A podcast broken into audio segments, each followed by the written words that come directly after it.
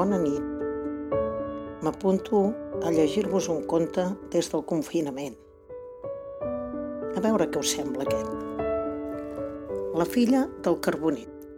Vet aquí que una vegada hi havia un rei que, com que no tenia cap guerra per fer i en el seu regne tothom se l'acampava, s'avorria. I com que s'avorria perquè era més aviat una mica ruc i no li agradava llegir, ni estudiar, ni fer res de bo, es feia passar l'avorriment anant de cacera. Se'n feia uns tips de caçar. Caçava de tot. I així que veia una bèstia, grossa o petita, que corria pel bosc, ja el teniu al seu darrere galopant fins al que l'atrapava i la matava. Un dia, que anava de cacera corrent, corrent, rere una salvatgina, vet aquí que es va apartar del seu seguici i es va trobar ben sol al mig del bosc. Era espès, ple de roures i faig, i ell no sabia on girar-se. Va posar el cavall al pas i Xino-Xano va arribar fins a la cabana d'uns carboners. El rei estava cansat i tenia gana i va pensar que a la cabana dels carboners podria reposar i que li indicarien el camí de tornada cap al seu palau. Va trucar a la porta i va entrar. La cabana era fosca com una gola de llop. I allí, a prop del foc, hi havia una noia enmascarada i bruta com no us ho podeu ni imaginar, que estava tota ocupada atiant un foc. El rei va donar el bon dia, perquè això sí, li havien ensenyat bones maneres – i per començar la conversa va preguntar a la noia què hi havia dins l'olla que penjava a la xamaneia. Els que són baix, que ara són dalt, va contestar la noia. El rei, que us he dit, que com us he dit, no era pas massa xerit, no va entendre res del que li deia, però com que li feia vergonya que la noia el prengués per un ruc, es va quedar sense saber què li havia dit. En aquell moment, un dels sacs que estava estivat en un racó de la cabana es va moure. El rei, tot alarmat, va preguntar què hi havia. «Gerri en baix», va dir la noia. El rei es va quedar tan assabentat com abans. Per acabar aquella conversa que no treia cap a res, ell que li diu «On és el teu pare, noia?» «És a caçar». Tots, tots els que mata els deixa, i tots els que no pot matar se'ls emporta. Això sí que va acabar la paciència del rei. Sense dir-li ni adeu, va sortir de la cabana, va muntar a cavall i se'n va anar a bosc enllà. I vet aquí que no gaire lluny d'allí, ell que es troba un carboner que vigilava una sitja de carbó. Hola, li va dir el rei. Hola, li va contestar el carboner sense amoïnar-se ni poc ni gaire de la presència del rei. I el rei que li diu, i amb aquesta misèria de carbó et fas la vida? Sí senyor, i encara més. Amb el que trec del meu treball, pago deutes, poso diners en guany i en llanço per la finestra. I ara, va dir el rei amb la boca badada, això no pot ser. A veure si t'expliques més bé. Prou, prou, va dir el carboner. Mireu, amb els diners que guanyo, mantinc els meus pares i com que ells abans m'havien mantingut a mi, pago deutes. També mantinc el meu fill, que quan sigui gran em mantindrà a mi. I així poso diners en guany. I com que també tinc unes noies que un dia o altres casaran i no les veuré més, dic que llanço diners per la finestra. El rei es va quedar admirat de l'enginy del carboner. Malgrat que no era massa llest, va lligar caps. Escolta, escolta, va dir-li. No és pas a casa teva una cabana que hi ha un tret de ballesta dintre d'aquest bosc? Sí, senyor, li va dir el carboner. I no seria per casualitat filla teva una noia més bruta que una guilla, que parla d'una manera estranya que no hi ha dimoni que l'entengui? Sí que és la meva filla, senyor. I no hi feu cas, és que li agrada divertir-se. I què us ha dit, si es pot saber? Doncs vet aquí que li he preguntat què hi tenia a l'olla que bullia sobre el foc. I sabeu què m'ha contestat? Els que són dalt, que ara són baix. Doncs és senzill, va dir el carboner tot rient. Vol dir cigrons, que quan bullen pugen i baixen, i mentre l'olla bull, els de baix pugen a dalt i els de dalt se'n van avall. Això no és tot, va dir el rei. Quan li he preguntat què hi havia dins d'un sac que m'ha semblat que es movia una mica, m'ha dit xerrin baix. Què és un xerrin baix? Res, home, res, va dir el carboner. Ja us he dit que tinc dues filles i com que només tenen un vestit, se'l posen un dia sí, l'altre no. I la que es queda sense vestit es fica dins un sac. I la noia li deia que anés baix perquè vos havíeu entrat. El rei no es va donar pas per satisfet. Bé, bé, bé, encara me n'ha dit una de més grossa. M'ha dit que tu eres a caçar i que tots els que mataves els deixaves i tots els que no podies matar te'ls emportaves. Naturalment, va dir el carboner, mentre vigilo que es faci el carbó, em mato els polls, sabeu? I és clar, tots els que puc caçar els deixo, i els que no puc atrapar me'ls quin remei. És eixerida de la noia, no ho trobeu? El rei, però, estava furiós, i com que no li agradava gens ni mica que es burlessin d'ell, ell que va i, i que li diu Molt bé, ja veurem si és llesta la teva noia. Li dius de part meva que vingui a Palau perquè em vull casar amb ella. Però fixa-t'hi bé, ha de venir tal com t'indicaré. Ni a peu ni a cavall, ni pel camí ni per fora del camí, ni vestida ni despullada. I si no compleix aquestes condicions, la faré matar. En sentir això, el pobre carboner sí que se li van acabar les ganes i abans que, abans que ell hagués tingut temps de demanar clemència, el rei ja havia esperonat el seu cavall i havia desaparegut bosc enllà. Podeu comptar si em va arribar de trist a la seva cabana. Tan trist estava que abans que no hagués tingut temps de dir res, la seva filla ja li havia notat. Què teniu, pare, que esteu tan trist? Vinga a preguntar-li.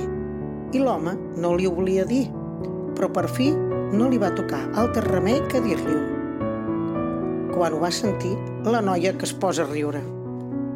Per això esteu tan amoïnat, pare? Però si no costa res. Ja podeu anar a dir al senyor rei que em surti a rebre que hi arribaré dilluns al matí de bona hora. I tal dit, tal fet. El dilluns al matí, el rei ja estava al mirador guaitant si la noia venia o no venia. I a fe que la va veure venir i anava embolicada amb una xarxa de pescar. I és clar, no es podia dir que anava vestida, però tampoc que anava despullada i venia enfilada dalt d'una cabra que anava fent bots, ara endavant, ara endarrere, tan aviat pel camí com per fora del camí, i pel marge del camí que per entre les pedres més cantelludes del marge. I com que la cabra no parava de fer bots i de girar a dreta i esquerra, la noia tan aviat era dalt de la cabra com es trobava a terra i tornava a enfilar-se llesta com era, i tornava a caure. Quan la va veure arribar, al cancell del palau, el rei no es va poder estar de somriure i li va passar tota l'enrabiada, perquè, a més, la noia era bonica i quan la va tenir vestida i clenxinada i li van haver posat uns vestits bonics, tothom deia que era la reina més bonica que mai no s'hagués vist. El rei, quan la va veure així guarnida, se'n va enamorar de seguida, és clar, però massa, massa tranquil no ho estava. I llavors li va dir ens casarem i seràs reina. Però com que ets massa llesta i acabaries manant i jo no vull que la meva dona em mani, t'imposo una condició. Mai per mai donaràs un consell a qui sigui. I si dones un consell, et trauré de casa i deixaràs de ser la meva reina immediatament. I com que la noia s'havia enamorat del rei, que sigui dit de passada, era un galant minyó, va acceptar de seguida. I va passar un any i en van passar dos, i vivien molt feliços perquè la noia, que era molt llesta, procurava dissimular que era llesta, i aquell palau i aquell regne era com una bassa d'oli. I el rei ja no s'avorria i amb prou feines s'hi anava a caçar. I vet aquí que un dia va arribar a Palau dos homes a demanar justícia. Un dels homes era un hostaler que tenia un hostal al poble i l'altre era un marxant que anava de poble en poble venent cintes i puntes i draps de brocat. I vet aquí que el marxant, arribat a l'hostal amb un cavall tot lluent i bonic, l'havia deixat al costat d'un euga que estava a punt de tenir un pollí. I l'euga havia tingut el pollí i al matí el marxant, que era un trapella, havia vist el pollí i l'havia agafat i l'havia posat sota la panxa del cavall. I deia que el pollí era fill del seu cavall i que, per tant, era seu. I l'hostaler, ja us podeu imaginar, deia que no era veritat, que no podia ser veritat, que era la seva euga qui havia tingut el pollí. I com que el marxant era un garlaire i sabia vendre bou per best, no parava de parlar. I el pobre hostaler només sabia dir que no, que no era veritat, que era la seva euga, la mare del pollí. Llavors, el rei, que tenia molta pressa perquè hi havia una corrua de gent que venia a demanar justícia, va i li diu «Molt bé, no dieu que el pollí era sota la panxa del cavall? Doncs el pollí és fill del cavall. Ja hem fet justícia» podeu comptar si la reina si va haver de mossegar la llengua per no dir res, per no dir-hi la seva. Però es recordava d'allò que el rei li havia dit, que si donava un sol consell, la trauria del palau i mai més no seria la seva reina, i per això va callar. Però vet aquí que després, com que l'hostaler li feia tanta pena, va anar a trobar-lo i li va dir «Escolta bé el que et dic. El diumenge, quan el rei se'n vagi a passejar, et poses amb una canya i un am al safreig del camí i esperes que passi el rei. I quan passi el rei, el rei et preguntarà què hi fas allí. I tu li dius que pesca sardines. I quan el rei et digui que és impossible de pescar sardines a un safareig, tu que li dius? Un safreig pot tenir sardines com un cavall pot tenir pollines. I ja veurem què passa. I tant que ho vam veure. El diumenge al matí quan anava a passejar, es va escaure que el rei va veure l'hostaler boi pescant en el safreig del costat del camí. I com que de tafaniu era el rei, li diu «I doncs, hostaler, què pesques?» «Pesco sardines, senyor». «Vinga, home, vinga, no facis el plaga. En un safreig vols trobar sardines?» I l'hostaler que fa? Un safreig pot tenir sardines com un cavall pot tenir pollines. El rei es va quedar tot sorprès i tot avergonyit i va cridar l'hostaler a Palau i el marxant Trapella i li va fer tornar el pollí al seu veritable amo. Però abans de deixar-los anar, li va preguntar «I qui t'ha dit que fessis això que has fet?» La reina va dir tot content l'hostaler convençut que deia una gran cosa. Ja us podeu imaginar amb quina cara ferotge va cridar la reina i què li va dir. Ja ho saps, ja te'n pots anar. Però com que em fa molta pena que te'n vagis, et deixo endur la cosa que més t'estimis de plau. I ara, adeu. Quin tip de plorar que es va fer la reina. Però tot plorant, plorant, vinga a pensar què s'enduria del palau. Vinga a pensar quina cosa era que s'estimava més de totes les coses que hi havia al palau. I quan ho va tenir ben rumiat, ella que sí, que posa unes arbetes adormidores en el sopar del rei. I en havent sopat, el rei es va quedar més adormit que un soc. Llavors ella el va colró, boi guarnit amb els seus vestits de brocat i d'or. I som-hi, se'n va anar cap a casa. L'any demà al matí veieu el rei que es desperta. I què és el primer que veu?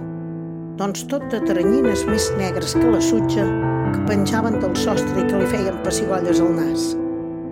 No em vulgueu, no em vulgueu de crits demanant auxili. Traieu-me d'aquí, cridava el rei, traieu-me d'aquí. Però des del peu de l'estiva de carbó, perquè el rei geia sobre una altíssima estiva de carbó, es va sentir una veu que deia «No tinguis por, que no et passarà res». El rei, que es va aixecar, tant com el sostre, gairebé arran del nas, li ho permetia, i què va veure? la noia que feia bullir la parola al foc tota tranquil·la. Què significa això? va bremolar el rei. Et faré agafar, et faré penjar, et faré esquarterar. Com t'has atrevit a robar el rei del seu propi palau? Sst! va dir la noia tota tranquil·la. Jo no he robat res. Tu ahir em vas dir que me'n podien portar del palau allò que m'agradés més. i el que m'agrada més de tot el palau ets tu.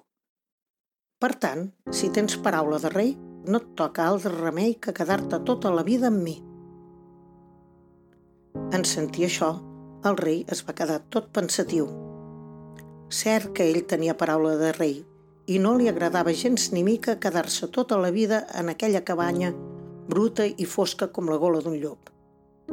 S'ho va rumiar una bona estona, però per fi li va dir «Mira, reina meva, el que hem de fer és entornar-nos a al palau.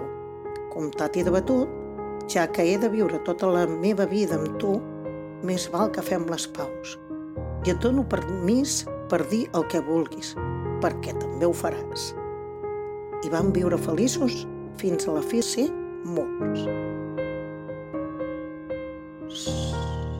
Bona nit.